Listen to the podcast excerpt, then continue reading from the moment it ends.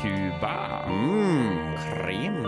Snort, snop og spill på Radio Nova.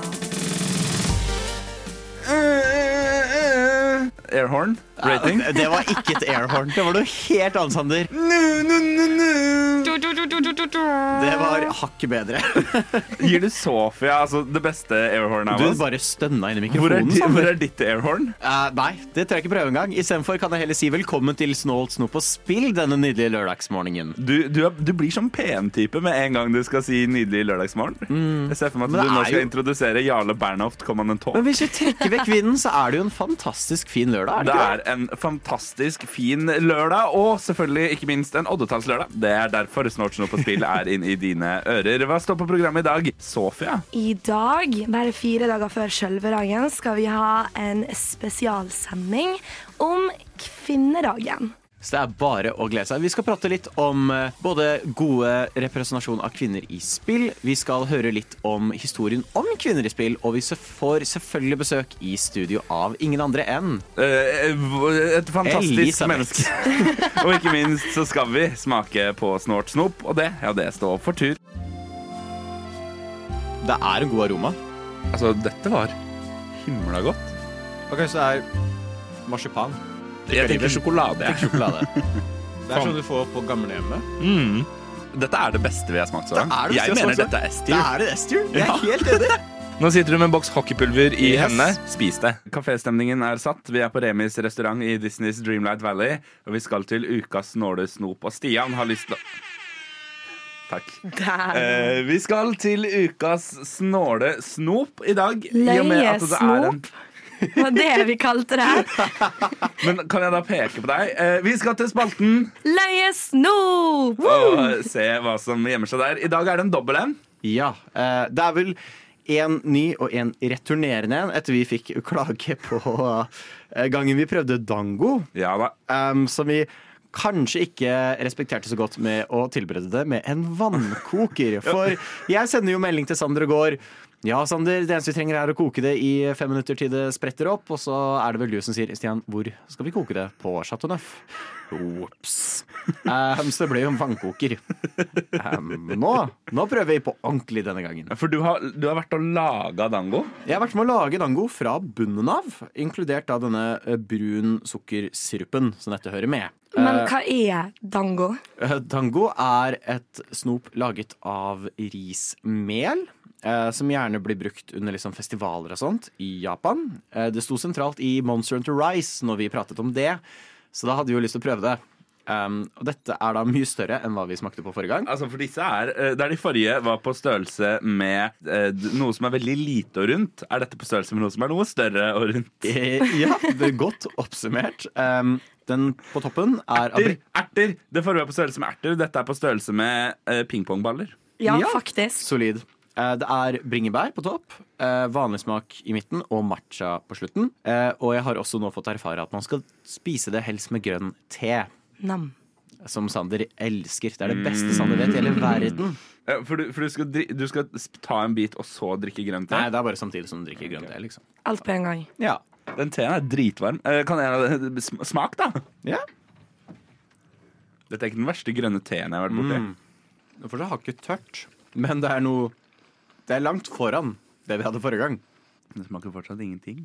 Smaker mel, Jo, det gjør det. men søt mel. Ja. Det er søtt mel. Søt mel. Men kanskje det er denne eh, sirupen da, som skal gjøre dette så mye bedre. Sirupen føler jeg gjør det hakket bedre. Det var bare så sjukt sånn gummi. Sånn. Ja, ja det, det er litt som å spise bildekk. Det er, det. det er en rar Bare med en smak, vil jeg si. Bildekk med smak Ja. som ikke er asfalt. Jeg tror ikke det har hjulpet at jeg har hatt disse liggende Man skal vel nok høyst sannsynlig spise de rett etter Ja. eh, de er kokt og sånt. Jeg må si dette er ganske godt foran eh, de tørre pudderballene vi spiste forrige gang. Dango har blitt forbedret av denne smaksopplevelsen. Yes, Men så det er jo ikke bare dango vi skal til i dag. Fordi at, eh, tro det eller ei, vi bryr oss også om ting som skjer i det virkelige liv. Om dagen så er det jo ski-VM i Planica. Ja. Og hvorfor ikke bruke sportslige anledninger til å produsere kommersielle produkter? Jeg kan Et- tenke meg et par grunner. Blant annet det Stian nå har i hendene. Sørlandschips med svært norgesflagg. For hva skriker vel ikke Norge mer enn potetgull med smak av wienerpølse med ketsjup? Mm.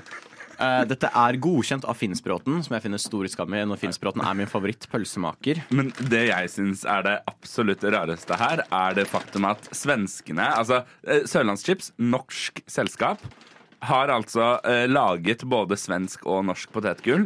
Svensk som har smaken av dill og gressløk. En ganske OK pluss-smak. Ja, ja. Og eh, i bakgrunnen her så hører du forresten Stian, som ikke klarer det. jeg får den ikke opp.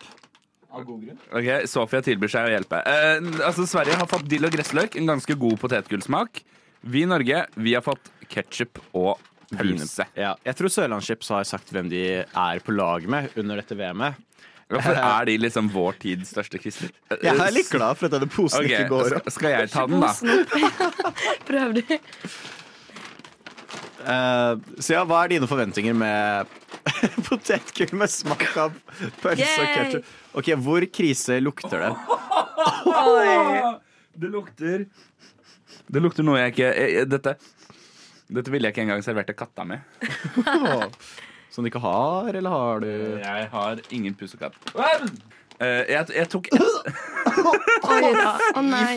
Det der Du kan ikke gjøre det. Men det lukter jo Det lukter jo umiskjennelig pølse og ketsjup. Altså, Nei. det skal de ha. Det lukter som en sånn jalla Sånn, sånn der, det, det er sånn kjappe du finner på siden av veien på E6. Et sånt område du tror ingen lever, og så er det sånn én sjappe som selger Leif Vidar-pølser. Eh, og den har sikkert ikke vært rensa siden 2004. Det er hva dette lukter. Ok, Sofia, har du Det lukter bare sånn eh, Gammel eddik left på en sånn ja, Gammel steik. eddik er jo eh, akkurat eh, OK, skal vi smake? Ja. Nei, nei, nei. nei. Nå kan dette ha en viss sammenheng med at jeg er litt småforkjølet, men jeg syns ikke det der smakte noen ting. Det smaker Og Å, det smaker sprø løk. Det smaker sprø løk og Ja. eh, ting jeg ikke egentlig vil at potetgull skal smake. Vi skal også rangere det på vår tidlist helt mot slutten Ja. av dagens Se frem til det. sending. Du lytter til Radio Nova. Her på Radio Nova med Stian, med Sander og ikke minst med personen hvis hobbyrom vi nå skal entre. Sofia, Yes. hva har du spilt siden sist? I dag så har jeg lyst til å ta opp en eh, gammel, nostalgisk klassiker. Som ikke nødvendigvis er på verken konsoll eller PC, men nemlig brettspill. Oi! Yes. Nei, eh, dette er da en klassiker jeg har spilt hele barndommen med foreldrene mine. Så har vi bestemt oss i kollektivet om å ta den opp igjen, og dette har vi spilt nesten hver helg siden jul. Og det er nemlig Rømmikub. Hæ? Ja. Har dere hørt om det? Nei, Nei. har jeg aldri hørt om. What? Å, fy søren. Dette skal en gang spilles, i hvert fall.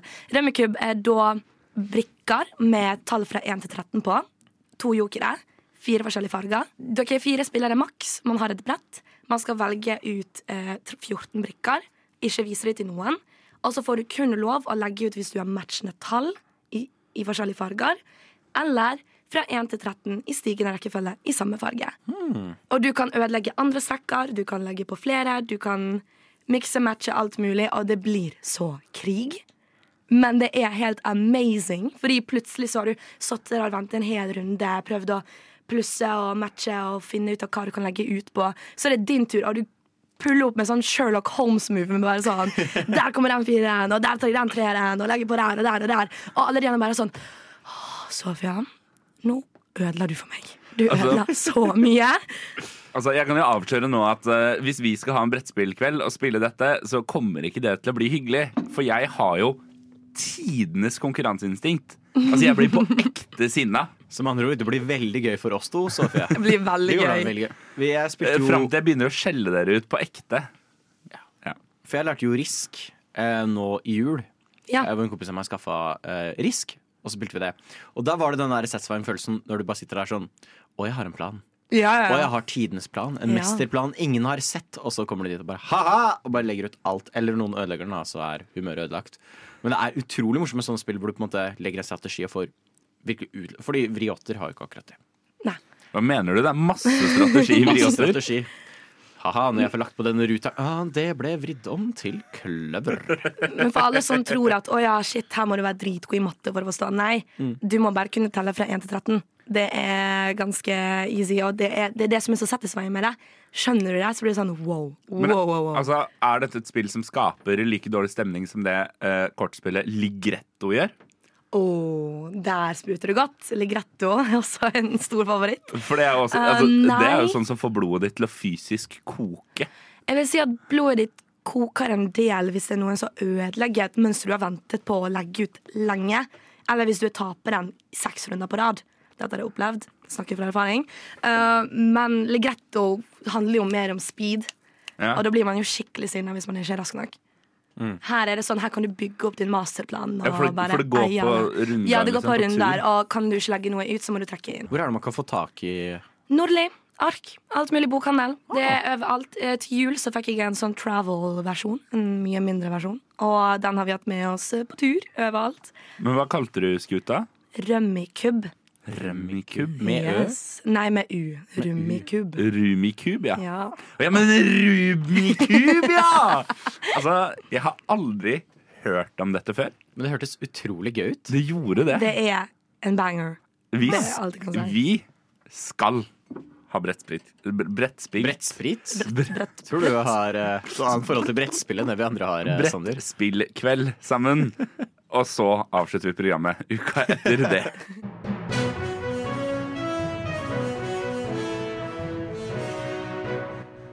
Er liksom det litt det samme som å spise liksom svinekjøtt med pølse? Snort, snop og spill. Det er vi som stiller de viktige spørsmålene. Og hvilke viktige spørsmål skal stilles i dag?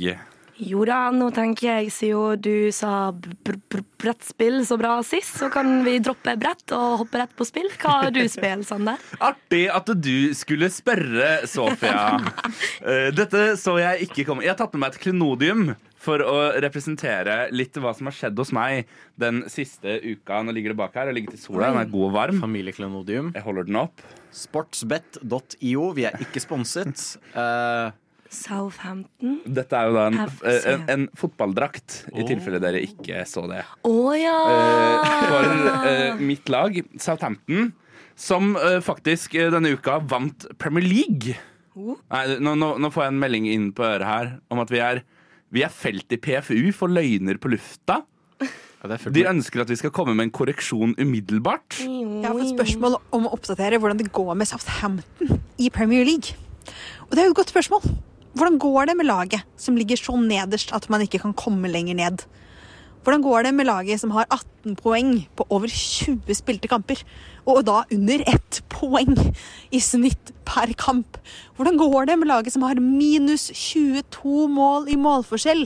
Nei, det skal jeg si det går dårlig. Det går så jævlig dårlig. Drittlag. Eh, Sofie Martesdatter Granberg i Nova FK, som da rettet opp i vår faktafeil om at Southampton ikke har vunnet Premier League, men vi har det i Fifa 23! For jeg har spilt helt sinnssykt mye Fifa den siste uka. Jeg har vært helt inne i Fifa-verden, og jeg har vunnet Premier League. Og jeg er toppskårer i Premier League, og fuck dere andre. Takk for meg. Gratulerer. Takk. Yay. Uh, og det er jo en sånn eh, gjennomgående uh, greie som folk alltid skal pirke på når det kommer til nye Fifa-spill. Altså, uh, Det siste Fifa-spillet kommer jo i høst, Fifa 23. For nå skal det hete EA Sports Soccer 24. Jeg hater det navnet. Var det ikke EA Sports Football Club? Nei, no, EA, Sports Soccer. Ah, ja. Um, men Fifa 23 har altså gjort uh, noe Altså, de har faktisk tatt Fifa-serien videre. Det har blitt nytt. Eh, ikke bare har de eh, lagt til eh, ting som er eh, ekstremt lol i lagene. Eksempel både det laget Ted Bundy trener i eh, TV-serien med samme navn. Eh, nei, ikke Ted Bundy. Ted Eh, Lasso. Ted, La- Ted Lasso. Ikke seriemorderen Ted Bundy. Jeg stussa på det. Ja, sånn, OK, ok, hvor skal du med dette nå? Men også eh, fotballaget Wrexham, kjent fra den eh, serien eh, på eh, Disney Plus, Welcome to Wrexham, eh, som er laget Ryan Reynolds og en eller annen eh, tåpe kjøpt opp. Men de har også altså, lagt til noe som jeg syns er ekstremt fett når det kommer til liksom det å se igjen dine egne kamper i Fifa. Ikke sant? Fordi at Vi kjenner jo til fotball. Sporten fotball har vi hørt om før. Når noen scorer, så får du masse sånn kule vinkler. Sånn Å, vi la oss se nedenfra hvordan det ser ut når Haaland sparker ballen og kjører den rett inn i kassa. Um, men altså, eh, her har da Fifa rett og slett tatt det enda lenger og gått litt vekk fra dette med å få det til å ligne på TV ved det som heter hyperdrive, tror jeg de har kalt det. Ikke inspirert av noe som helst annet, det lover. Eh, Men som gir deg altså en helt sånn syk et sykt innblikk i eh, kraften du ser, retningen på ballen. Altså, det, det føles mye mer som eh, fjernsyn, eller TV, da, enn det det egentlig har gjort tidligere. Og det er jævlig fett når du er et spill som bare lager et nytt, eh, en ny versjon hvert år, hvor det virker som den neste oppdateringer er lagene. Kan jeg dra inn noe som jeg lurer på? Ja. Du har jo spilt på en ny konsoll siden sist, Sander. Det har jeg jo også gjort, eh, Hvordan eh, Stian. har den opplevelsen vært? Eh, nå tenkte jeg egentlig at det skulle være grei å spare det til deg, eh, sånn at du skulle få lov til å prate så mye om denne konsollen du bare vil. Jeg tenkte på Men- den andre konsollen, Ja! Den andre konsollen, ja! som jeg har spilt mye, men du ikke har spilt. Uh, den, den, den, ja, den konsollen som førte til at jeg forrige uke la ut på tidenes roadtrip til Slattum. Ja. Ja. Uh, jeg har vært i Slattum. Uh, I Slattum finner du en Coop Prix, og du finner Stian. Og eh, ikke minst Stians PlayStation VR 2. Ja. Og eh, vi har jo snakket om VR Faktisk, siden første program av Snortshop på spill, så har vi snakket om PlayStation VR. Og eh, du har vært eh, altså, over hals og hode hyped for dette. Og jeg har eh, jatta med og latet som at jeg også syns dette høres dritkult ut. Og tenkt sånn, ja ja, Stian får kose seg med Oculus Riften sin. Eh, men jeg var altså hos deg, spilte Horizon Forbidden West i Ja. VR. Eh, Nei, Og, vi spilte Call eh, of the Mountain. Call of the Mountain! Um, og det er noe av det sykeste jeg har vært med på i hele mitt liv. Det var et punkt hvor du mista balansen og holdt på å gå baklengs inn i TV-en med VR-headset på huet og tenkte ja, ha det bra penger. Men altså, det er, det er noe av det sjukeste jeg har vært borti i hele mitt liv. Jeg skulle ønske jeg hadde opptak av deg, for du spilte jo også på vanlig PlayStation 5. Ja! Oh my god! DualSense Edge! Gi meg det! Det er noe av det sykeste jeg har vært borti i hele mitt liv. Altså, spesielt, eh, Vi spilte Astros Play Playroom, Ja. som er altså, et, et helt fantastisk spill. Jeg kan ikke tro hvor bra Astros Playroom er. Det, det har null rett til å være så bra som det er. Er du på gråten? Ja! Og så sier Stian sånn Ja, som du presser ned triggerne. Og jeg er sånn Nå presser jeg ned triggerne! Stian er sånn Nei, nei, nei. Du må presse dem ordentlig ned. Ja, men Stian, nå presser jeg så hardt at det ikke går an å presse ned. Og så trykker du enda lenger ned. Og hva skjer da? Det rister! Det er helt amazing! Det var Sanders første opplevelse med PlayStations adaptive triggere, hvor de kan endre motstanden i triggerne. Og så er det sånn kontrollerdemo på starten er sånn Trykk ned triggerne. Og så gjør Sander det, kommer seg ikke videre, så ser han på meg sånn Ja, jeg gjør jo det. Så er jeg sånn Nei, Sander, trykk ned triggerne. Og så er det det punktet det går klikk ekstra hardt inn, og så hadde det bare Åh! Så det har vært utrolig gøy. Du fikk jo spille Horizon også. Eh, ja, og slåss mot en kjempeskummel fiende. Det er noe av det skumleste jeg har gjort i hele mitt liv. Jeg trodde jeg skulle pisse på meg. Det var veldig gøy. Jeg så Sander sakte, men sikkert gå inn i sånn et av de mest farligste områdene i spillet. Ante fred og ingen fare. Og sånn «Eh, By the way, Sander, det er hvordan du dodger, det er hvordan du healer. Ikke noe grunn til at jeg sier det, men kos deg. Um, men altså, eh, jeg kjenner jo nå Jeg, jeg, jeg er blitt sulten på mer. Ja. Etter, eh, jeg har lyst til å spille Call of Duty med adaptive triggere. Det hadde vært helt fantastisk. Så Xbox, get your fucking shit together, eller? Radio Nova.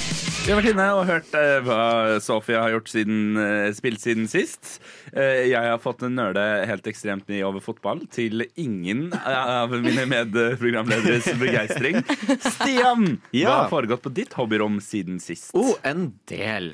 Eh, jeg har prøvd å bli skaterboy uh, med spillet Ollie Ollie World, som jeg fikk gratis med PlayStation Plus. Som er spill Ollie. Ollie World. Det er en videre, et den nye versjonen Ikke ny versjon. Det er vel oppfølgeren til et annet Ollie Ollie-spill.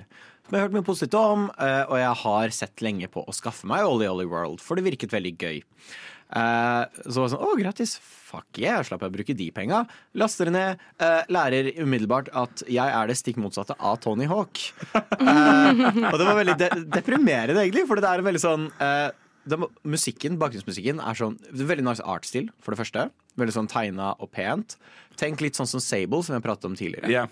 Um, og så er det masse bare sånn lofi beat-musikk i bakgrunnen. Så det er veldig sånn chill stemning umiddelbart. Du får customize skateren din. Når jeg fikk lagd den, så ligna veldig på meg sjæl. Jeg var sånn, oh, hell yeah, dette er gøy. Kommer inn i spillet, og liksom Det er sånn skikkelig sånn wacky, og det var bare sånn svære leveler som bare er skate heaven. Jeg klarer så vidt å gjøre en ollie fra tittelen og en kickflip. eh, jeg tror det var den sånn 28. gangen jeg feila på samme hopp, hvor jeg fant ut Nei, nei, jeg sletter dette, og så spiller jeg My Time on Frog Island. eh, og så Det høres ut som forrige uke hvor jeg hadde prøvd meg på Cuphead og endte opp med å spille Little to the Left. Eh, Kan du bekrefte at det er noe av det samme? Ja, litt det samme, bortsett fra at eh, de de gikk ikke så bra på Frog Island heller. Jeg lastet om Frog Island. Veldig søtt spill, veldig søtt artstil. Du spiller som en skipper som blir uh, kastet om bord under en storm og havner på Frog Island. Nei, kødder du? I know. Um, og så var det litt sånn Animal Crossing Stardew Valley-aktig. Og sånn, oh, det er spill jeg liker. Men helt ærlig, jeg klarer ikke finne ut av hva aner jeg skal gjøre på Frog Island. Uh, jeg klarte å hjelpe en uh, som går Det er veldig sånn For de som har spilt Links Awakening, så er det en sånn Ja. sidequest der hvor du driver og bytter en haug med ting med en haug med folk. Så en person sier de har lyst på denne tingen, og så møter du en annen person som gir denne tingen. Og så starter en sånn lang quest hvor du går og bytter frem og tilbake masse forskjellige ting. Og så ender det til slutt med at du får én stor ting. Det er litt den samme vibben, hvor du har en som spør om noe, og for å få den tingen, så må du hjelpe en annen med det der, og så får du den Ja. tingen, og så videre. Men jeg, jeg, jeg kom til et punkt hvor det var en som ba om noe spesifikt, og jeg på mitt liv som innsats aner ikke hvor den tingen var. Eh, og så kom PlayStation VR2 i posten. Ja. Og siden eh, Så det var, altså, det var min tid på Frog Island. Og jeg, jeg overdriver ikke når jeg sier Altså, Stian pleier å være en person det er ganske lett å få tak i. Ja. Jeg var fem minutter unna å begynne å sende brevduer til deg for å få tak i deg tidligere denne uka. Da. Ja, det, jeg var litt borte. Eh, beklager det. Beklager ikke. Og med VR så har jeg kost meg. Jeg har spilt Garden of the Sea. Oh. Det var det første jeg spilte, som er Stardew Valley-aktig, eh, men Nice. i VR. Og det var veldig, veldig nice å bare faktisk plukke opp uh, ljåen eh, Hva? Jo, ja, Jo. ja. Jo, ja. Ja. Ja, og liksom drive og liksom pløye og putte oppi frø manuelt med sånn nydelig, fin sånn eh, tegneserieaktig artstil. Jeg møtte en ku. Eh, og så min eh, fantastiske glede i det jeg tok på denne kua, og du følte det i kontroll.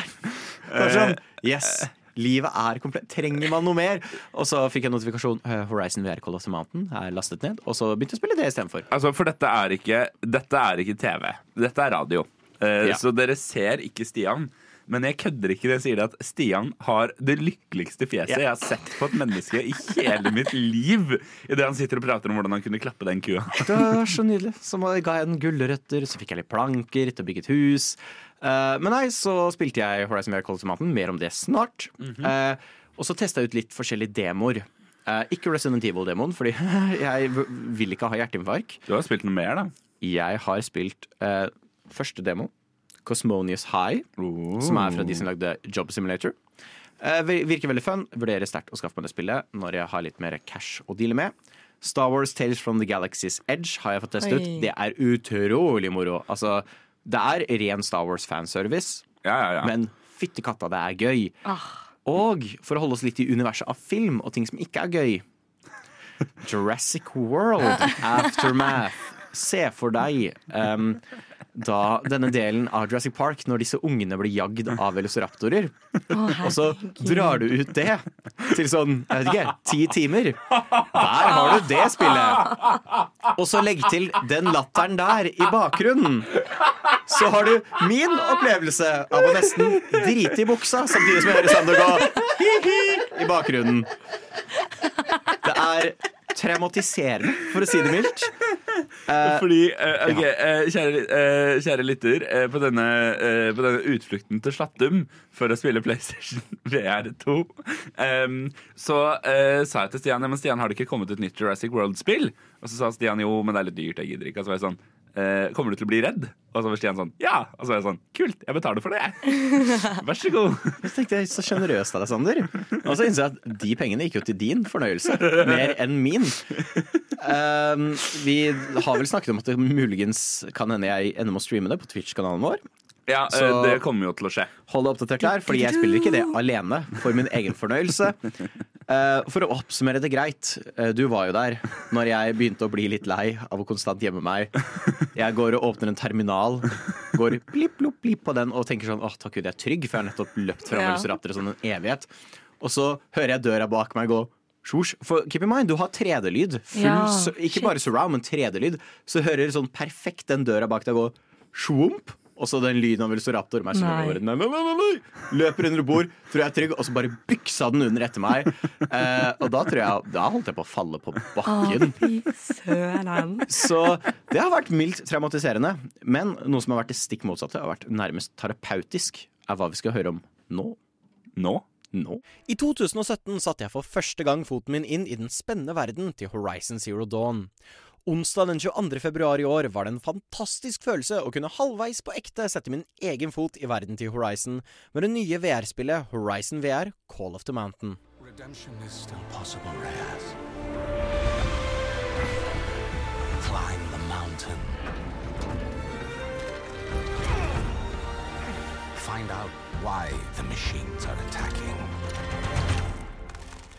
Historien til Horizon er satt i framtiden, ca. i år 3041. Tusen år etter vår sivilisasjon opplevde en apokalyptisk hendelse der menneskeheten ble satt tilbake til primitive stammesamfunn.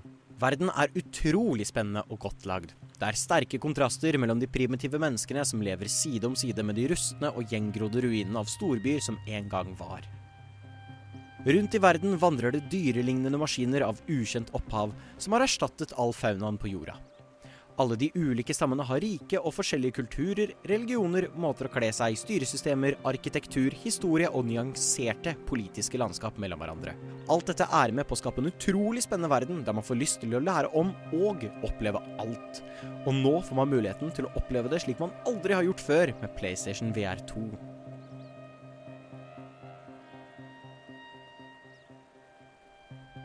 Horizon VR Call of the Mountain viser umiddelbart fram kraften i Sonys nye VR-headset. Når spillet starter, får du føle på de nye kontrollerne som lar deg føle ting. Før du får sett noe, så blir håndjernene til Ryas, aka deg, fjernet, og i hånda kan du føle hele denne prosessen. Kort tid etterpå blir hetta over huet ditt fjerna, og du blir møtt av de utrolig vakre omgivelsene der du sitter på en båt i Utahs Mesa natur, som nå er overgrodd av en tropisk jord. Holy shit! Left him for the Glint Hawks. Damn shadow Karja. Several years in the military, and she still believes in justice. Will you sit your patronizing ass down and paddle? Du kan sitte og plaske i vannet, og spillet klarer å skape en sensasjon i hånda di av at du plasker i ekte vann. På den korte båtreisen møter du flere maskiner, og toppen av kransekaka er når den 20 meter høye sjirafflignende maskinen kalt en tallneck vandrer over deg i et skue uten like. Og med haptic feedback-teknologi i både kontroller og headset får du følelsen av å ha denne kolossen passere direkte over hodet ditt. Men dette er heldigvis ikke bare en såkalt VR-experience. Nei, dette er et fullt spill.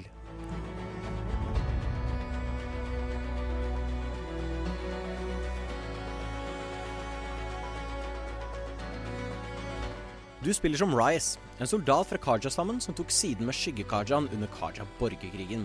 Som de som spilte det første spillet kanskje husker, så var Skygge-Kajaen hovedfienden i det spillet. Så det er meget interessant å spille som en soldat fra den gale siden. Han har sittet en stund i fengsel for forræderi, men får en sjanse til å bli en fri mann når Murad, Kaja-solkongens høyre hånd, ber han om hjelp for å løse et mysterium. Maskiner har begynt å angripe landsbyen Dawn's Grasp, og når Rai sin bror forsvinner idet han prøver å komme til bunns i saken, så må du finne både broren din og en måte å stoppe blodbadet før du når hovedstaden Meridian. Gjennom historien får vi møte både nye og kjente fjes som assisterer deg på reisen. Det er også en spennende sidehandling der han blir konfrontert med og prøver å tilgi seg selv for grusomhetene han har begått. There, he's awake. Reyes, machines attack this settlement. Machines don't attack settlements. Tell that to the dead. Find out why the machines are attacking. And you shall be a free man. Som en av de beste klatrerne i solriket består mye av spillet av å klatre fjell. For å klatre må du bevege dine ekte hender for å gripe tak i fjellkanter, dra deg opp og gripe tak i nye kanter. Noe som skaper en sensasjon av at du klatrer på ekte. Det kan høres slitsomt ut, men med en kombo av banebrytende grafikk og trollbindende utsikter som er ren naturporno, konstant påfyll av nye klatreverktøy og et vakkert soundtrack fra Alistair Curley, som gjør sin Horizon-debut, er det vanskelig å ikke nyte de intense klatreturene som spillet byr på. Men det er ikke det eneste Call of the Mountain byr på. Lange klatreturer nyter avbrekk i den intense og engasjerende combaten, som får deg til å føles som Katniss Everdeen, eller Aloy om vi holder oss innenfor Horizon. Etter hvert kommer du ansikt til ansikt med de ikoniske maskinene spillserien er kjent for, der du engasjerer i kamp, maskin mot pil og bue. For å angripe med buen må du fysisk hente piler med å hente de bak ryggen din, akkurat som du skulle gjort på ekte. Tenk deg Legolas fra Ringenes herre. Deretter legger du pilen inntil buen, som du holder med den andre hånda, så drar du buestrenger bakover, sikter, og deretter slipper ditt faktiske grep over pilen. De nye kontrollene klarer å gjenskape følelsen av det hele. Alle nyanser av at buen strammer seg, fra strengen som blir dratt bakover, treverket som bøyes, og til slutt spenningen av fjær som sitter på toppen av buen, blir gjenskapt i hendene dine. Når man da plusser på at du må fysisk bevege deg som om du skyter med en ekte bue, så glemmer man fullstendig at dette ikke er ekte. Spillet starter simpelt med at du slåss mot små velociraptor-lignende maskiner, men senere inn i spillet slåss du mot maskiner større enn hus, og med et arsenal av forskjellige typer piler og våpen holder combaten seg alltid moro og intens. Et av høydepunktene er når du slåss mot Horizons ikoniske Stormbird, en maskin på størrelse med et fly. Kampen tar plass på toppen av et fjell midt i en tordenstorm, og alt fra lynnedslag til vindkast fra Stormbirden blir imponerende simulert av VR-headsetet for å skape en både fryktinngytende, men også uforglemmelig kamp. Noe som også fullstendig stjeler showet, er fysikken i spillet. Så å si alt av objekter kan gripes tak i, løftes rundt, stablet oppå hverandre osv. Også rundt om i omgivelsene kan man finne flere forskjellige instrumenter, som maracas, tamburiner, panfløyter, og disse kan bli spilt på som ekte instrumenter. Og ikke bare det, men spillet gir deg flere muligheter til å slippe løs din indre kunstner, med muligheter for å male på enkelte steinvegger rundt omkring. Dette er åpenbart ting som er lagt inn for å demonstrere hvor interaktiv PlayStation VR2 er, og wow, som de lykkes i å demonstrere det. Det er noe utrolig surrealistisk med å se ut over en tåkefylt dal under en nydelig solnedgang samtidig som du spiller på en panfløyte. Noe så enkelt som simple fysikkobjekter og veggmaling er så interaktivt at det kan lett underholde meg i flere titalls minutter. Men dessverre er ikke alt en dans på virtuelle roser. Selv om jeg er glad for at de ikke har gjort historien til en superessensiell historie i Horizon-serien, så du slipper å betale dyre dommer for å få hele historien til Aloy, så har den ellers gode historien et lite problem med å måtte stå i skyggen av Zero Dawn og Forbidden West. Vi får møte Aloy i en liten bit, men bortsett fra det har spillet kun en løs sammenheng med en av sidequestene fra Zero Dawn. Selv om historien er god og spennende, så når den aldri høydene til Zero Dawn og Forbidden West. Rise er en god karakter som bringer med seg et spennende nytt perspektiv til Horizons verden, men han er fortsatt langt ifra noen Aloy. Jeg har til tider opplevd noen få ganger at VR-headsetet mister trackingen på kontrollene. Men for de som spilte originale PlayStation VR, så er trackingen til VR2 milevis foran det som var før. Og det er såpass sjeldent det skjer at det er ikke noe jeg vil anse som et problem, men verdt å nevne uansett. Det mest frustrerende jeg har kommet borti, har egentlig vært en glitch med selve konsollen, der haptic feedback innimellom blir skrudd av. Heldigvis fikses dette lett med å bare restarte konsollen, og med PlayStation 5s lynraske SSD så er dette en rask og smertefri prosess. Noen glitcher har dukket opp i spillet, men det er intet som har vært i nærheten av gamebreaking. Kun småting som lett kan fikses i en oppdatering. For noen kan det også bli litt mye klatring, men jeg skal personlig innrømme at jeg likte veldig godt klatringen, og syntes det ofte gjorde at de majestetiske utsiktene føltes ekstra fortjent. Horizon VR Call of the Mountain er det perfekte spillet for å kickstarte launchen til PlayStation VR 2. Du nyter ekstremt godt av å foregå i den allerede spennende verden til Horizon-serien, og klarer meget godt å bygge videre på det solide fundamentet. Med sin fenomenale grafikk, utsikt som er ren naturporno, gode historie, intense combat og interaktivitet er Horizon Call of the Mountain et spill du absolutt må skaffe deg om du skal ha VR 2. Eller om du er nysgjerrig på VR. Men om du er en Horizon-fan som ikke har råd til å skaffe deg det, så frykt ikke. Du går ikke glipp av noe essensielt for Aloys narrativ. Det allerede solide spillet blir også hevet opp med bruken av haptic feedback i både kontroller og headset, som sammen med adaptive triggere, fingersporing, øyesporing og 3D-lyd skaper en kombo som lar deg føle en virtuell verden slik du aldri har gjort før. Det er vanskelig å forklare VR via lyd, men tro meg, dette er spill som du aldri før har opplevd det. Jeg gir Horizon VR Call of the Mountain en solid score på hele 90 av 100 troikabarer. Her er det ekstremt lite å trekke ned.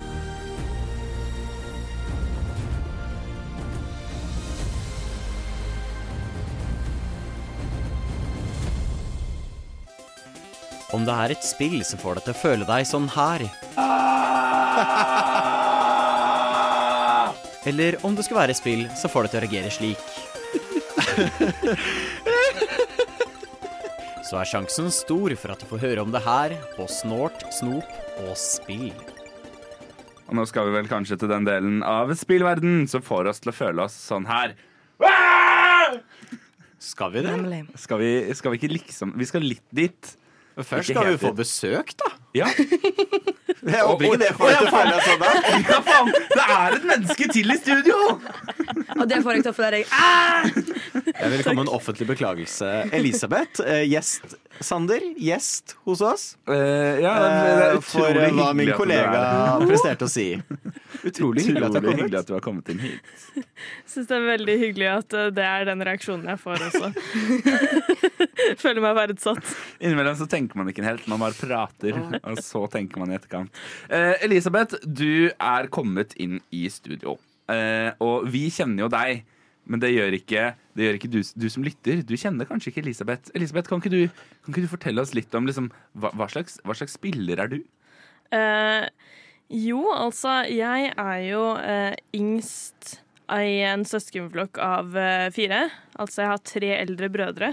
Og det føler jeg at gir liksom den ultimate uh, younger sibling syndrome. Som uh, vil si du er enten satt til å alltid være P2 eller uh, se på de andre spillet. Um, så det føler jeg egentlig utvikla meg som eh, spiller. At liksom, jeg satt og så på da han, eh, broren min som er nærmest meg i alder, satt og så på han spille gjennom en god tid, og så gikk jeg over til å se på andre folk på YouTube spille. Eh, så jeg føler veldig mye av min eh, erfaring med spill er egentlig bare å se på andre gjøre det, men så er også den derre Spiller mye sånn Nintendo og sånne ting da, selv. Men det er genuint en undervurdert del av å spille. Å se på andre folk spille. Det er jo helt fantastisk. Kjempekoselig. Det, ja, det er veldig koselig, og så får du liksom oppleve, eller oppleve altså, eh, verden og handlinger og sånn i spill uten at du slipper å sitte her og være frustrert selv. God måte å oppleve eh, Det var derfor jeg skrek frustrert, forresten. Fordi at jeg tenkte på hvordan det føles å spille et spill selv og ikke se på. Du tenkte på Elden Ring du nå, eller? Ja. Og Cuphead? Ja. Ja. ja. Men uh, Nintendo, Nintendo uh, sier du Jeg har hørt rykter om at du er jævlig god i Mario Kart. Det er rart hvordan det ryktet bare Det flyr rundt på ryktet Nova. sprer seg, ass. Ja. Ehm, i- ja. Nei, ikke- Jeg skal jo ikke si at jeg ikke er det. Jeg hadde jo en liten spillkveld sammen med Stian og vår daglige leder Odd, hvor jeg grusa dem, vil jeg si. Det var sånn Odd bare sånn Ja, mens jeg lager mat, så kan jo dere spille noe Mario Kart eller noe. Bare, Ja, det høres gøy ut. Og så er, er, tenker jeg sånn Ja, det blir gøy. Altså, jeg ante ikke. Eh, og så sier ja, det blir moro. Og, ja, og så spurte jeg vel er du god, og Elisabeth sa ja, nei, jeg er vel sånn helt passe. Eh, og så gjør jo Elisabeth sånn e-sport-snarveier og bare gruser ut. Og sånn Å nei, jeg bomma på denne snarveien. Ah, shit. Fortsatt på førsteplass, og jeg er sånn på tolvte. Sånn, Å nei! Å nei. Så, så det var, det var sjukt. Jeg jobber med å trene opp på så jeg kan være litt mer konkurranse neste gang. Men Elisabeth, vi snakker jo ikke bare om eh, spill her. Vi spiser jo også snort snop. eh, Og vi tenkte eh, Vi har jo hatt to snorresnop i dag. Det ene er dessverre oppspist allerede, frykter jeg. Mhm. Men vi har jo denne posen med sørlandschips med smak av wienerpølse og ketsjup. Ja, den her er jeg faktisk eh, veldig spent på. Så hørte jeg dere drive og trashe Leiv Vidar i stad, som jeg ikke syns noe om. Nei, jeg, jeg, jeg, ønsker, jeg ønsker bare å legge til Stian trashet Leif Jeg, legge til, jeg, jeg trasha sånne shady sjapper på siden av E6 der ingen bor, som, har, som fikk sist leveranse fra Leif Vidar i 2005. Det er det jeg trasher. Det er for øvrig en veldig god pølseårgang. 2005. OK, men um, Lukt, kanskje, først? Lukt er Ta en litt sånn liten bit. Oi. Jeg, jeg vet ikke helt hva jeg syns det lukter. Vi foreslo eddik. Ja, ja det, den kan jeg være med på. Litt sånn vanlig eddik på potetgull. Ja. Ja. OK, skal jeg OK, ja. Det smaker potetgull. Jeg kjenner ikke pølsesmaken, ass. Dette her hadde ikke vært noe sånn Jeg har lyst til å ta med meg til Holmenkollen når jeg ser på VM. Eh, og liksom erstatning for pølse.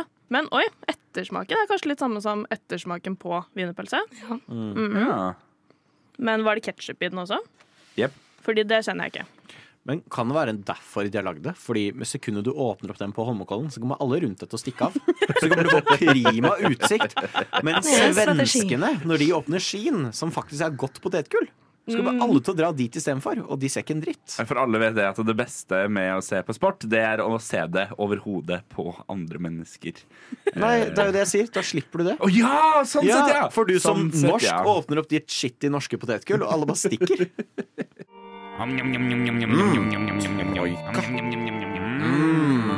Cuba. Snort, snop og spill på Radio Nova. Ikke bare har gjesten vår sneket seg inn i studio, hun har også sneket seg inn i jinglen vår, og det kommer til å bli enda mer fra Elisabeth eh, utover idet vi går inn i den beryktede timen hvor alt kan skje. Time to. Det kan ikke skje noen ting time én, men time to Da, vet. eh, da kan det villeste skje. Og hva er det som skal skje utover i time to? Vent, da. Stian. Nei, jeg føler jeg er feil person, eh, men vi skal nå fokusere sterkt på kvinners historie innad i spill. Og Sofia, Yes. du har jo forberedt litt der. Oh yeah. Der har vi eh, he hele historien å snakke om. Ja, hele historien. Hele historien. Sofias historietime. Vi skal jo selvfølgelig kåre de beste kvinnelige spillkarakterene. Våre personlige favoritter, i hvert fall. Ja, i hvert fall. Og gi gode tips til eh, spill med god kvinnelig representasjon, som man burde spille nå den kommende uka. Og generelt ellers. Hallo. Og ikke minst da, så spes alt dette på med den beste musikken fra Radionovas lister. eh, lister. Norgesmester i Mario Kart eh, og verdensmester i å se andre mennesker spille spill. Wow. Reaksjon på den eh, Eh, ja, det, er, det, er det en introduksjon du ikke liker? Nei, jeg syns det bare var litt Du holdt meg veldig høyt. Ja. For jeg føler ikke at jeg har uh, norgesmestertittelen eller verdensmestertittelen. Sinsenmester i Mario Kart. Eh, mm, ja, ja. Ja, Ja, Ja. Sinsenmester i Mario Kart. Ok, eh, Vi var på et eh, såkalt vors sammen for ikke så altfor lenge siden. Hvor det ble dratt opp en liste over de beste kvinnelige spillkarakterer. Og Kan ikke du nå gi svaret på hvorfor Peach er den fjerde beste kvinnelige spillkarakteren? Eh, Oh boy. ja, altså, jeg vet jo ikke det. Peach er jo den største liksom, representasjonen av hva en god kvinne skal være. Altså, er der, er pen, har en fin kjole og bor i et slott. Og så blir kidnappa av en stor skilpadde. Bake kake. En skilpadde med pigger på ryggen, da, riktignok. Men det skjer jo med alle jenter. Det bare, en gang i livet så må det skje. Ja, du må bare bli kidnappa Ja. stor skilpadde med pigg opp ryggen. Ja. Det er en dag hvor det kommer en Sånn en skilpadde, ringer på døra. OK, my time has come. Sånn som må skje før du får lov til å gifte deg. Liksom. 100%. Men uh, vi skal jo heldigvis uh, ikke bare prate om Peach, eh, som Vi har mista Sander helt. Sander sa så fint før vi gikk inn her nå. Eh, så går jeg, Sander, hva er planen nå? Jeg har en plan, Stian. Og så mumler han et eller annet med kjeften full av pølsepotetgull. Og vi har mistet Sander.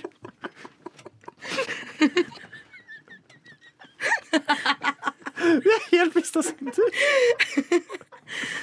Bare ta det det- videre? så- Er det lov å spørre deg, Elisabeth? Hva eh, synes du, for eksempel, for du har jo spilt nå Vi snakket jo om dette før vi gikk på lufta, litt om Mario og Mario-universet. På tross av å være et av de største spilluniversene, har ekstremt dårlig kvinnelig representasjon. Ja. Hva kan de gjøre? Hva burde de gjøre, egentlig? For å på en måte fikse på dette? Og egentlig eh, så kan de jo starte med å bare ha For å gjøre det veldig enkelt for dem, bare ha sånn sidekarakterer som er kvinner, eller i kvinnelig form.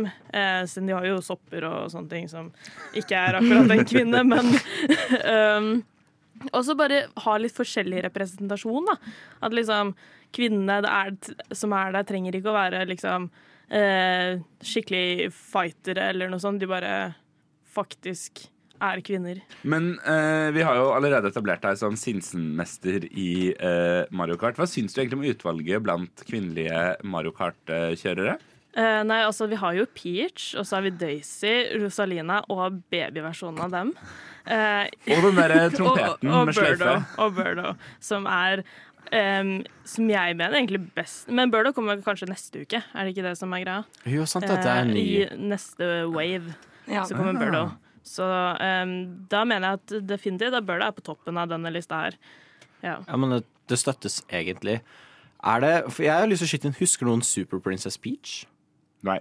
Nei. Som var sånn faktisk et av de beste D-spillene, hvor Mario ble kidnappa. Oi. Og så spilte man som Peach, som gikk rundt og banka folk med en paraply. Men her ser du jo hvorfor, hvorfor har ikke vi hørt om dette? I know! Hvorfor har Nintendo Eller jeg tror Nintendo havna i litt eh, bråk fordi et av hovedvåpnene hennes var følelser. Ja! Eh, som var uheldig. Så Ok, jeg skjønner hvorfor vi ikke har hørt om dette her. Eh, men jeg, jeg hadde likt å se et nytt Super Princess Peach. Som fortsatt er bare Peach som flyr rundt og banker opp folk med en paraply. For det var veldig underholdende og godt spill. Men er det, ikke dette, er det ikke et av disse spillene hvor Princess Peach også fyker rundt med en hagle? Ja, det er eh, Vi kan komme til det òg. det er jo Super Mario Rabbids Kingdom Battle Ubisoft Få en kortere tittel-spillet. Der ga de henne hagle, eh, og det var veldig gøy. Men bekjempet hun da også fiender med følelser? Nei, med kuler. Eh, var vel metoden der, egentlig. Men hvem er det du har lyst til å se da inn i Mario Kart-universet? Oi. Hvis vi bare skal ehm, plukke opp tråden etter eh, Stians digresjon om Super Princess Peach. Altså sånn fra noen som har vært i Mario-universet, eller bare sånn helt tilfeldig, tenker du på? Eh, helt tilfeldig. Jeg vil ha Gro Harlem Brundtland i Mario Kart. Hadde ikke det vært helt vilt fett? Hadde det. Super Gro Harlem Brundtland World. Versus Trude Drevland. Det syns jeg hadde vært helt amazing. Jeg føler Gro Harlem hadde støtta blåskjellsystemet. Eh, ikke! jeg, jeg, jeg lover, jeg skal prøve å samle meg. Og Altså skal vi få litt Radio Nova-musikk. Ja, fortere enn fortere enn Lise. Jeg, jeg, Elisabeth rakk aldri å svare. ja! Nei, det, det går fint. Jeg støtter Gro Harlem Brundtland. Unnskyld, hvilken uke er det? Uh, vet ikke. Vet du hvilken uke det er? Uh, jeg har ikke peiling. Sorry, men jeg må faktisk vite hvilken uke det er. Det er oddetallsuke. Shit! Da må jeg jo høre på Snålt snop på spill annenhver lørdag alle oddetallsuker fra 11 til 1 på Radio Nova. Og det er oddetallsuke nå. Det betyr jo at det er Snort snop og spill som har turet inn i dine ører. Stian, Sofia, Sander er på plass. Og ikke minst vår ekstra spesielle gjest som får oss til å føle oss sånn her. Ah. Elisabeth. Spot on. Spot har aldri, on. aldri vært borti noen som gjør så mye damage control for en eh, slip-up. Men du har hjertet på riktig sted, Sander, og det settes pris på. Venstre side, ikke sant? Jeg tror det. Det er på midten. Å, herregud. Det som er så deilig med dagens sending, er at den er megaviktig. Og hvorfor han er jo om fire dager, om dere ikke har fått med dere datoen, er den internasjonale kvinnedagen. Og hvordan kan man liksom eh, Hvorfor snakker vi om dette på et spillradio? Jo, det er jo den mest viktige kampen min innenfor spillmiljøet. Jenter i spill, jenter bak spill. Bak skjerm, foran skjerm, inni skjermen. Og jeg har da eh, gjort research, fordi det burde man egentlig, og dette burde man vite. Og i 2022 så gjorde Medietilsynet en undersøkelse på barn og medier. Eh, og der skrev de at eh, mens ni av ti gutter i alderen 9 til 18 år spiller dataspill, så spiller kun seks av ti jenter. Eh, samtidig så har eh, tallet for jenter gått ned med 17% siden 2020. Det er mye. Det er, Det er det. mye. 17% Samtidig så eh, er spørsmålet sånn Ja, hva gjør man for å få det opp igjen? Hvorfor fyker jenter ut av spillmiljøet? Men så skrev også Medietilsynet eh, å, vi aner ikke hvorfor det har gått opp i 2020. Og jeg sa ja, skjedde det ikke noe gøy da i 2020 som kalles alle var hjemme og Twitch ble mer populært, liksom? Animal Crossing og hele greia. Men det er jo ikke kun 2020 jenter har spilt Altså Det er ikke alderen for jenter i spill. Jenter har jo alltid spilt. Det er bare det at folk snakker ikke om det og aner ikke om det. Altså, og da er mitt spørsmål til deg, Elisabeth. Har du vært omringet av jenter som spiller gjennom din barndom og i senere tider? Ja, absolutt. Altså, spesielt i barndommen min så var Jeg bodde på liksom et lite sted utenfor byen som eh, hvor vi som bodde i gata, hang veldig mye sammen, og vi spilte gjerne Pokémon eller liksom eh, sånne ting, da. Eh, og var alltid sånn Vi drev med spill, selv om man tenkte liksom ah, vi driver jo ikke og spiller hele tida. Og så senere i min eh, sånn oppvekst og litt eh, sånn i nåtiden også, så er det jo veldig mange jenter som er veldig glad i eh, Som du nevnte i stad, sånn mobilspill, men også liksom Sims og Folk er jo nesten mer glad i å eh, Altså, jeg vet om mange jenter som er mer Nesten avhengig av Sims enn noen av gutta som spiller eh, sånn Ja, ja, ja. mer eh, Det man kanskje tenker på om liksom gamere, sånn skytespill og sånne ting. Og eh, jeg kan si at jeg har det veldig likt. Altså, Mitt første spill var Pokémon Mystery Dungeon. Explorer of Sky. Kanskje ikke den verdens beste yeah. Pokémon-spillet, men det var i hvert fall mitt første på Nintendo DS Lite, den lille grønne greien eh, som jeg spilte på SFO. Deretter kom det jo Lego-spillene som Lego Batman, Lego Lord of the Rings, Emma fikk seg PS3, og så med nostalgisk Little Big Planet og The Sims.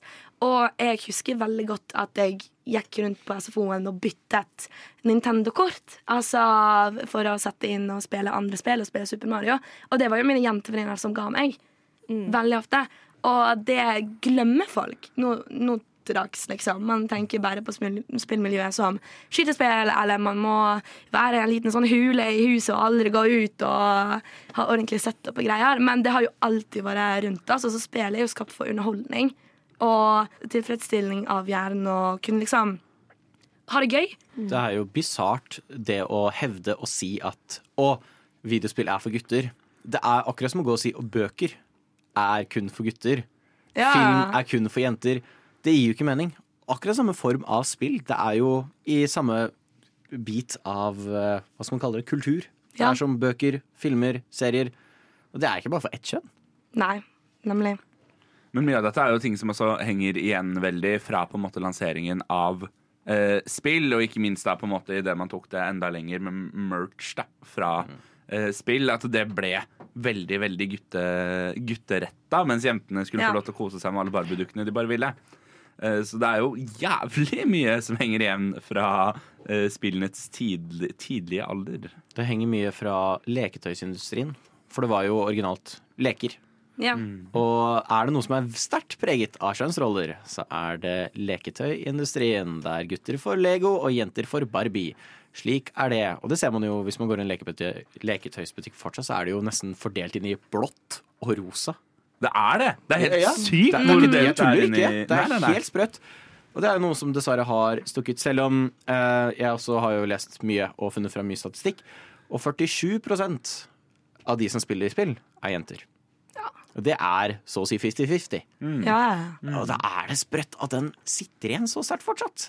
Ja. Men hva er, det, hva er det som er problemet her? da? For det at sånn, uh, Som Sofia nevner, så er jo ikke spill bare på en måte Call of Duty og eh, Battlefield. Uh, men det er jo på en måte også Candy Crush og uh, Flows HD må jo også kunne regnes som spill. Hva er grunnen til at vi ikke til at vi ikke definerer det som spill på samme nivå, til at vi dermed på en måte flytter på, flytte på statistikken? da? Jeg føler at bildet av eh, det som liksom alle reklamer, PR, alt det skal alltid avbilde hvordan en gamer skal se ut. Og det påvirker jo veldig hvem som føler seg velkommen og ikke. Altså En 12 jente som har begynt å se på Markiplier og PewDiePie på YouTube og gleder seg skikkelig til å prøve det ut hjemme, tør jo ikke mest sannsynlig å ta den hetskampen som kommer verbalt i online-spill.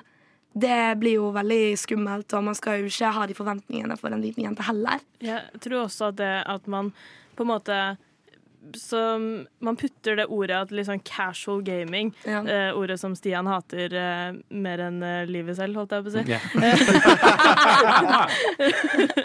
Ære til publikum, det går bra med meg, altså.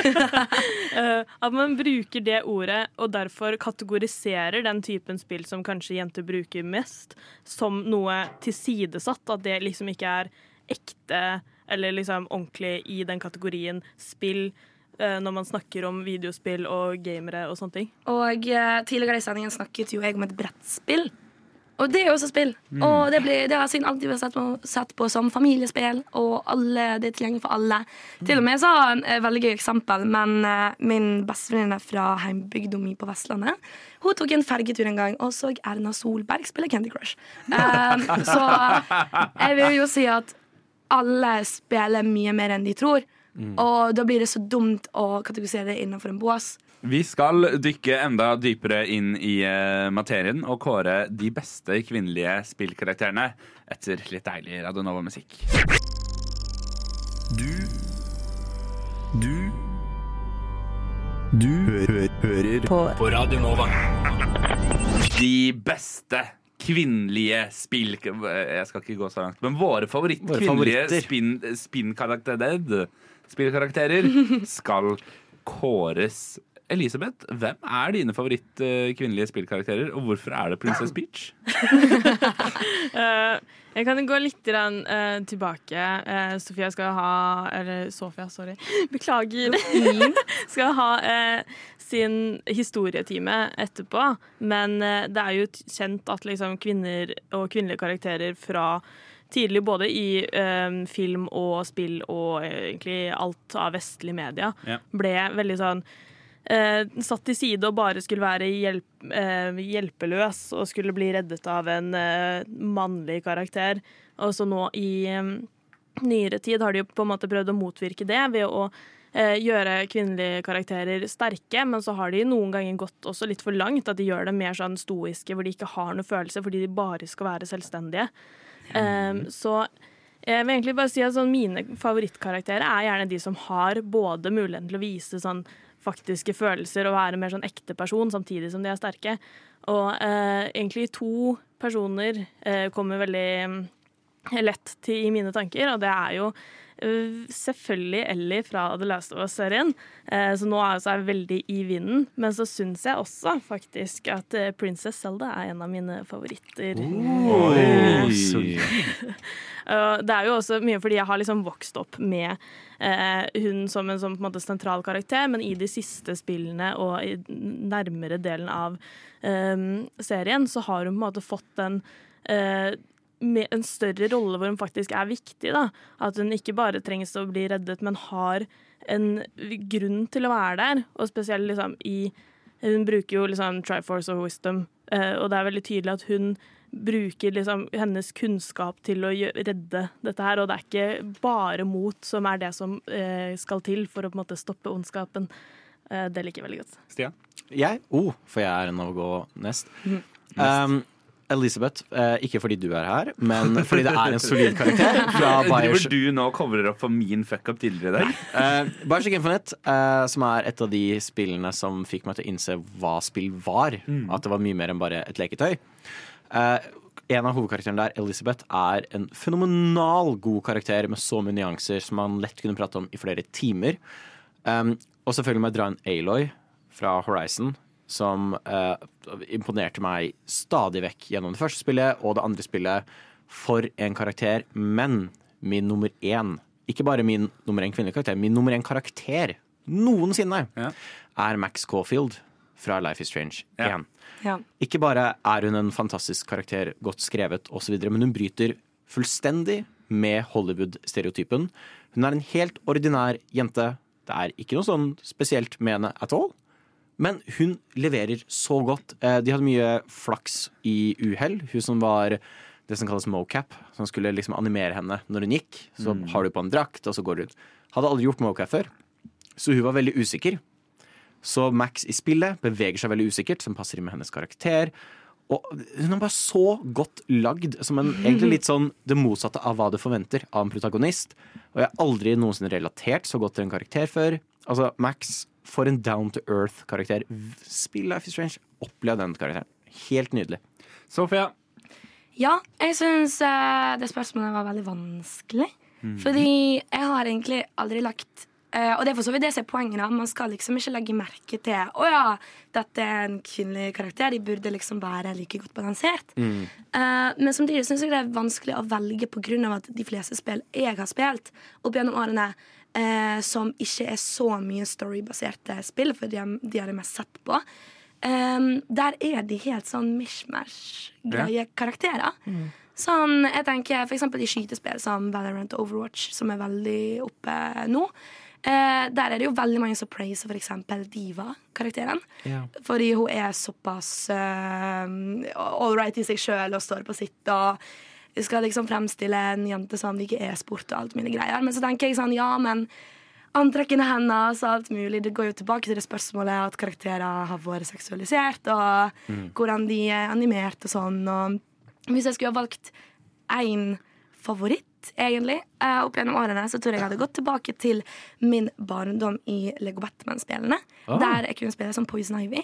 Oh, Og- okay. Og det og selvfølgelig er ikke det en original karakter, ettersom hun er fra tegneseriene. Ja, ja. Men hun som er karakter i tegneseriene og i selve spillet, som kan gjøre så mye damage med natur og egne krefter og helt alene, var så episk å kunne spille som hun, og ikke trenge å være Batman og Robin hele tiden, liksom.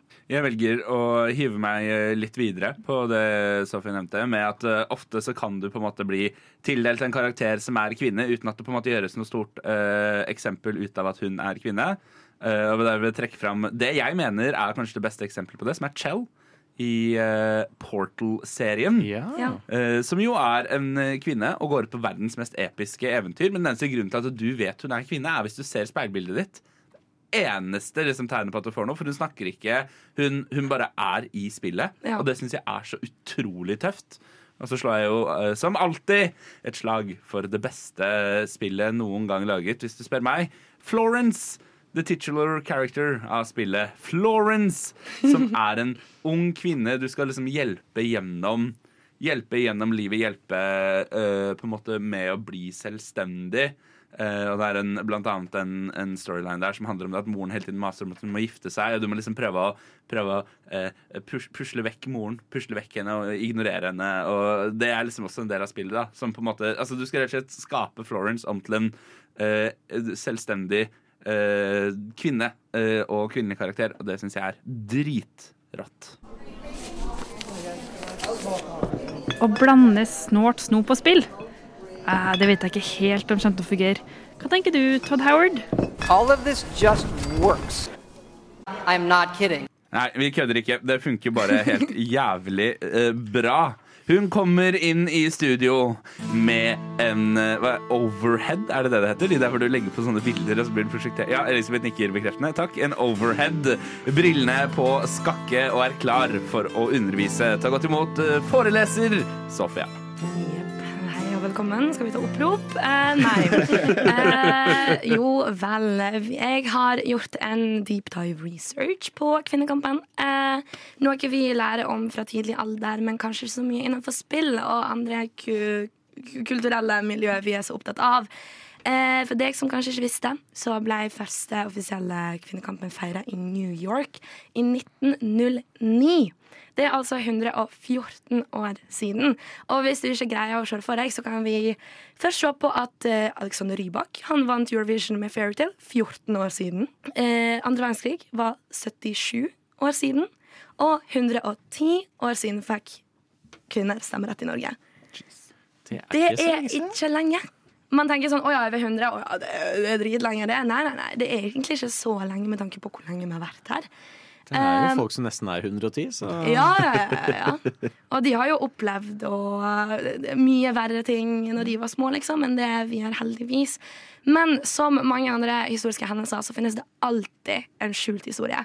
Eh, alltid noen eh, skjulte helter som vi aldri har hørt om. Eh, og da har jeg eh, lyst til å presentere for dere eh, noen badass damer innenfor spillhistorien som jeg har searchet opp. Og uten de så hadde vi kanskje ikke kunnet hatt Minecraft, for å si det sånn.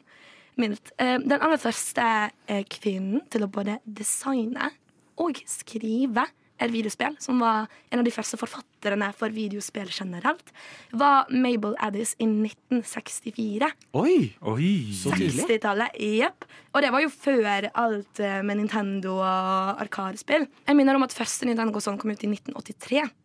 Så det var jo 19 år etter hun her eh, damen fikk sin greie. Hun var altså en forfatter og en lærer, og hun ville bare skape et undervisningsverktøy for studentene sine. Så spillet ble kalla The Sumerian Game, og det var et kun tekstbasert spill. Så det vil si det var kun kodet, og du kunne skrive inn et svar, og så får du forskjellige alternativer.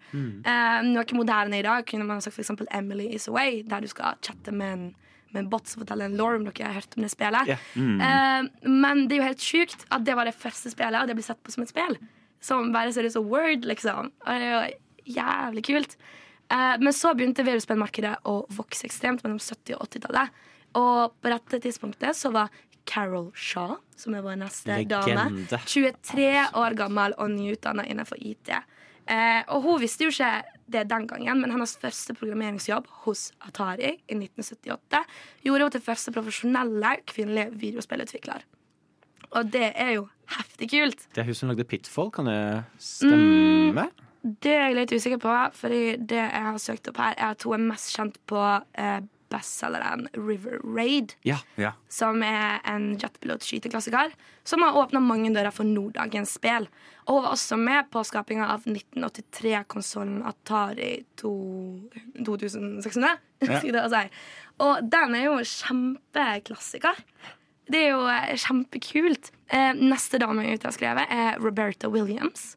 Hun er en av de større rollene i spillhistorien fordi hun åpner opp en nytt sjanger, som er adventure-sjangeren. Nei! Ja! Jo. ja, for hun lagde første tekstbaserte Hun lagde, Sammen med mannen sin Ken, som var datautvikler, eh, så hjalp å programmere, så skapte de spillet Mystery House i 1979. Eh, dette var spillet som fødte adventure- og eventyrsjangeren fordi hun bare elsket gåter. Og sånn, ja, hvorfor skal ikke vi lage det, liksom? Og den eh, klassiske arkadespillet-hiten Centipede, der du er et pikselert romskip og skyter på edderkopper som kan ligne Space Invaders, eksempel, var skapet av Donna Bailey i 1981. Jesus. Yep. Donna skapte Centipede og forsvant fra spillindustrien. Fakt, etter, etter det. Jeg var litt bekymra hun bare forsvant.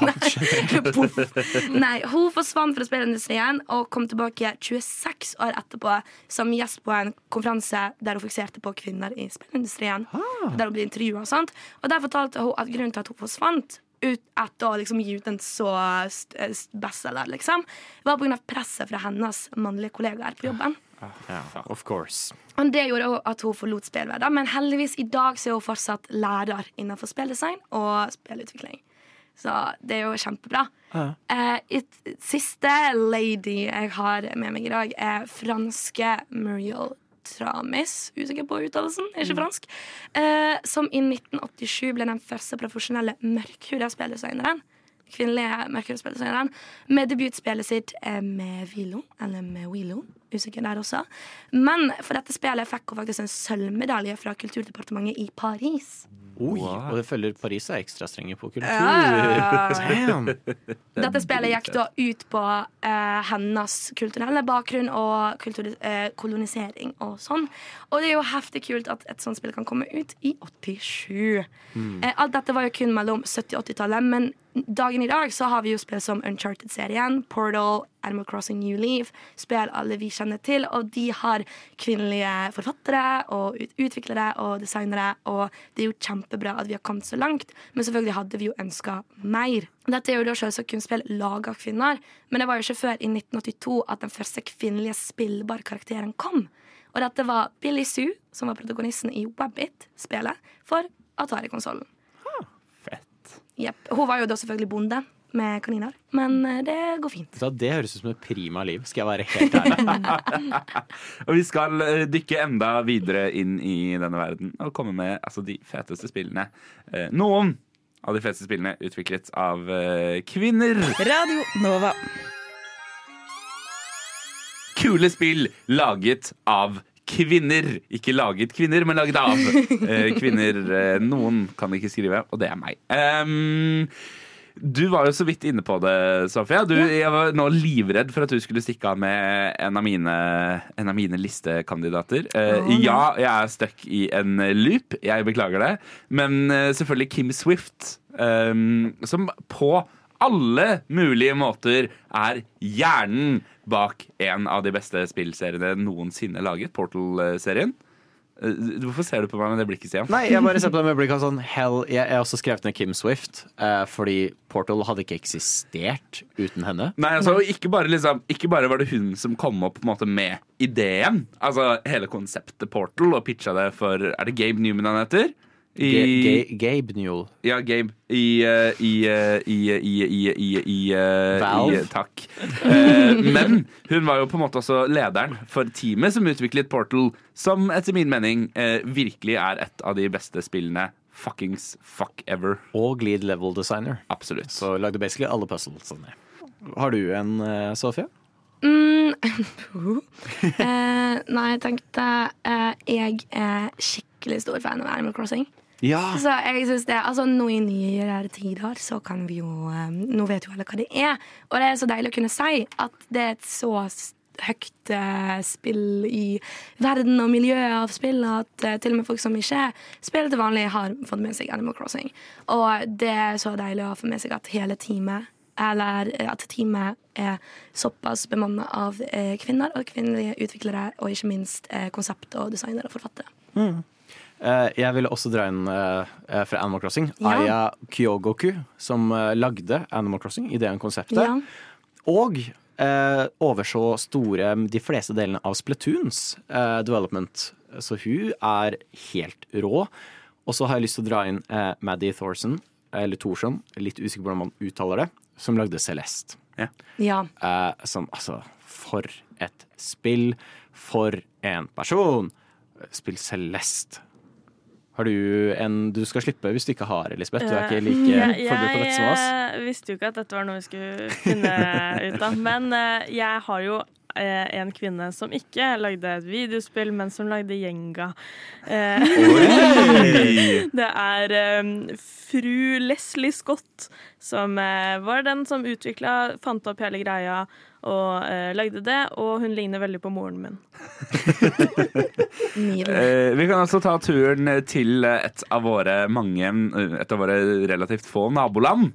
Eh, vi skal til landet Finland, og vi skal til eh, Marina Hakkalainen og Carolina Korpo, som har utviklet et av de beste spillene så, Altså et spill som bare plutselig ramlet ut, og som aldri har blitt snakket mer om eh, her på Snort, snop og spill. Men vi skal til spillet Cities Skylines. Å, er, er, det Eh, finskt! Wow. Marina Hakaleinen er da altså eh, CEO i Colossal Order, som har utviklet spillet. Ble hyra inn spesielt for å være CEO i dette selskapet. Um, og Carolina da uh, Kor, uh, Korpo Jeg kan ikke finsk, jeg beklager. Uh, var altså en av på en måte lead designerne da i, um, i dette spillet. Som er utrolig tøft å vite det at det ikke bare er finsk, som Stian eh, lærte i dag, men også at det er utviklet av kvinner. Veldig bra spill også. Ja. Jeg har lyst til å også gi shout-out til, ble jo nevnt, uh, Uncharted-serien. Ja. Som Amy Hennig lagde og skrev og regisserte, og bare generelt lagde noen av de beste spillene noensinne lagd. Skulle lage Star Wars-spill, helt til EA eh, ødela det. Grr. Grr. Og Rihanna Pratchett. eh, som ikke bare var eh, writer på Mirror's Edge, som er et veldig bra spill. for de som har spilt det, vil nok kjenne igjen det. Men hun var lead writer på Tomb Raider-rebooten. Stemmer det! Og for de som ikke har spilt Tomb Raider-rebooten veldig, veldig veldig bra spill, som virkelig revolusjonerte hva karakteren Lara Croft var og er. Ja. Så det er virkelig spill å få med seg.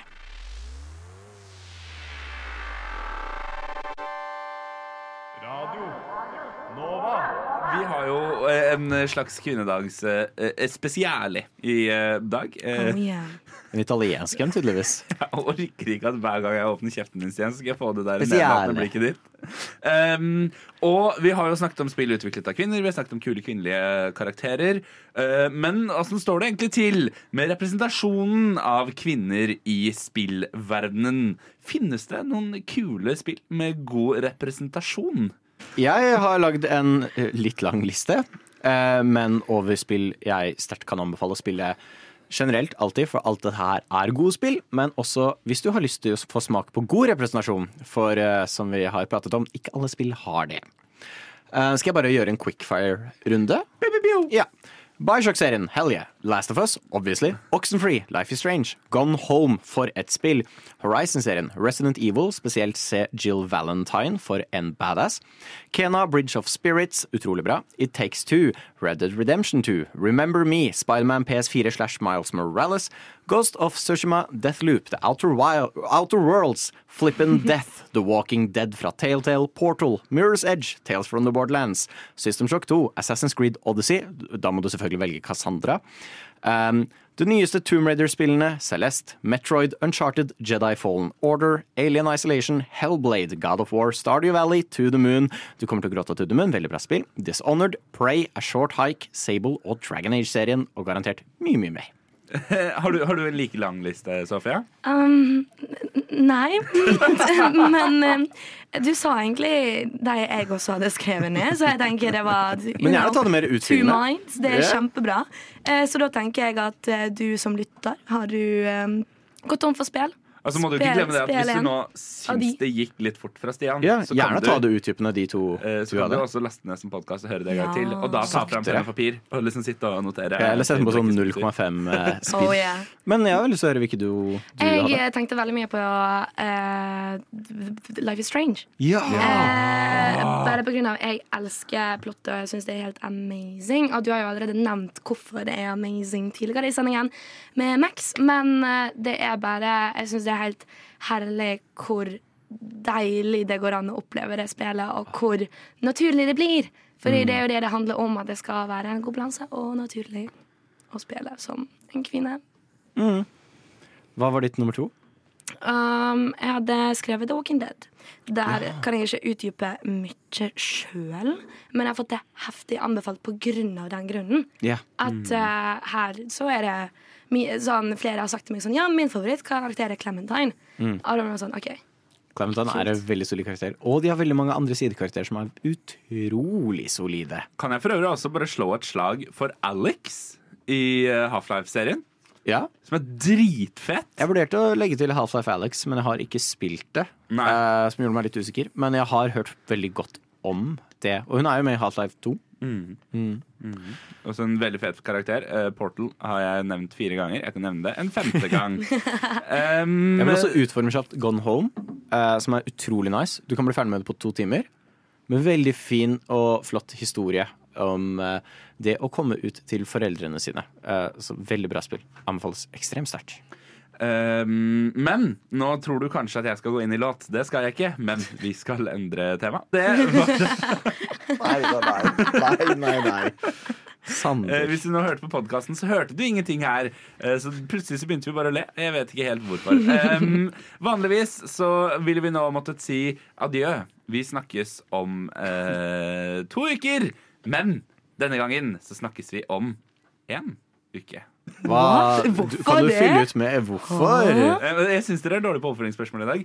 Fordi hvis du sitter neste lørdag og har blitt invitert i en bursdagsfest Og jeg er en idiot. Avlys den bursdagsfesten. Nei! Nei, nei, nei. nei, nei, nei, nei, nei, nei, nei. Ja, om en uke! Nei. Nei, nei, nei, nei.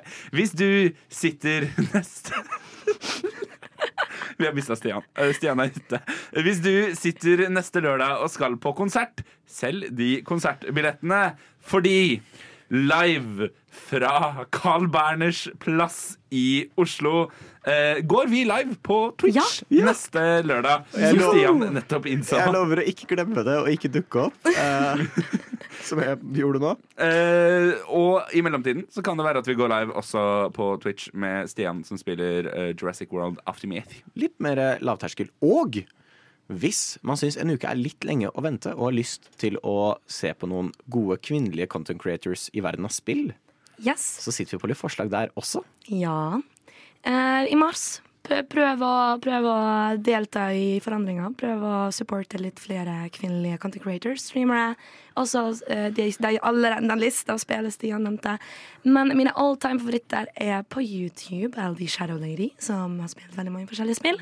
Vi har også streameren på YouTube Gaming, Valkyrie, som gjør det jævlig bra nå for tida. Og kan eh, vise veldig masse variety. Vi har også Brittany Live på Twitch.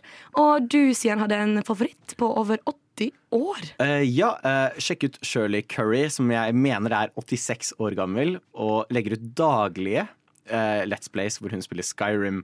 Og det er noe av det mest holdsomme og koselige contentet som fins. Og hvis du også er litt gira på holdsom content, sjekk ut um, Outside Xbox og Outside Extra. med Ellen og Jane og selvfølgelig andre, men de er veldig prominent og lager utrolig bra innhold som jeg kan sterkt anbefale. Og hvis du er glad i uh, Pokémon, sjekk ut Candy Evie, som også lager veldig mye morsomt Pokémon-innhold. Der har du eh, noen streams å følge med på den eh, kommende tiden. Stian Meg. og Sofia. Yep. Sofia. Klokken er 12.56 27. Oi. Vet du hva det betyr? Hva betyr det? Godt spørsmål. Cuba. Snort, snop og spill på Radio Nova. Jeg beklager å måtte informere om at det dessverre ikke kommer en ny episode med Snort Snop på spill i dette sekund, men at den du hører på akkurat nå, dessverre har nådd slutten av sin respektive sendetid. Stian eh, ser rart på meg, Sofia ser rart på meg, Elisabeth ser rart på meg. En eller annen står i studio ved siden av oss og ser rart på meg. Alle ser rart på meg, men Som vi, de må, bør. vi må plassere ukens snåle Snopolinis på vår eh, patenterte tier-list. Vi har jo da Dango, en retest av Dango. Skal vi opp, eller skal vi ned? Jeg tror vi har blitt enige om at det går opp, gjør vi Ja. ikke det? Ikke mye, men det legger nå på en D. En Oh, yeah. D.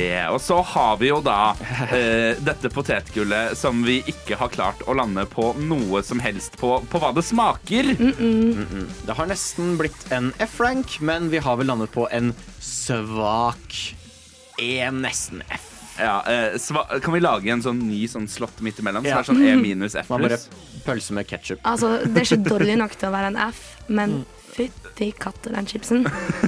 Og så kan vi anbefale å følge med på Radionovas eh, hjemmeside, der vi skal legge ut litt artikler eh, i forhold til kvinnedagen. Og ikke minst, som alltid, følg oss på eh, sosiale medier. Snart snop og spill heter vi på Instagram. Og Twitch. Og Twitch. Og heng med på Twitch neste lørdag.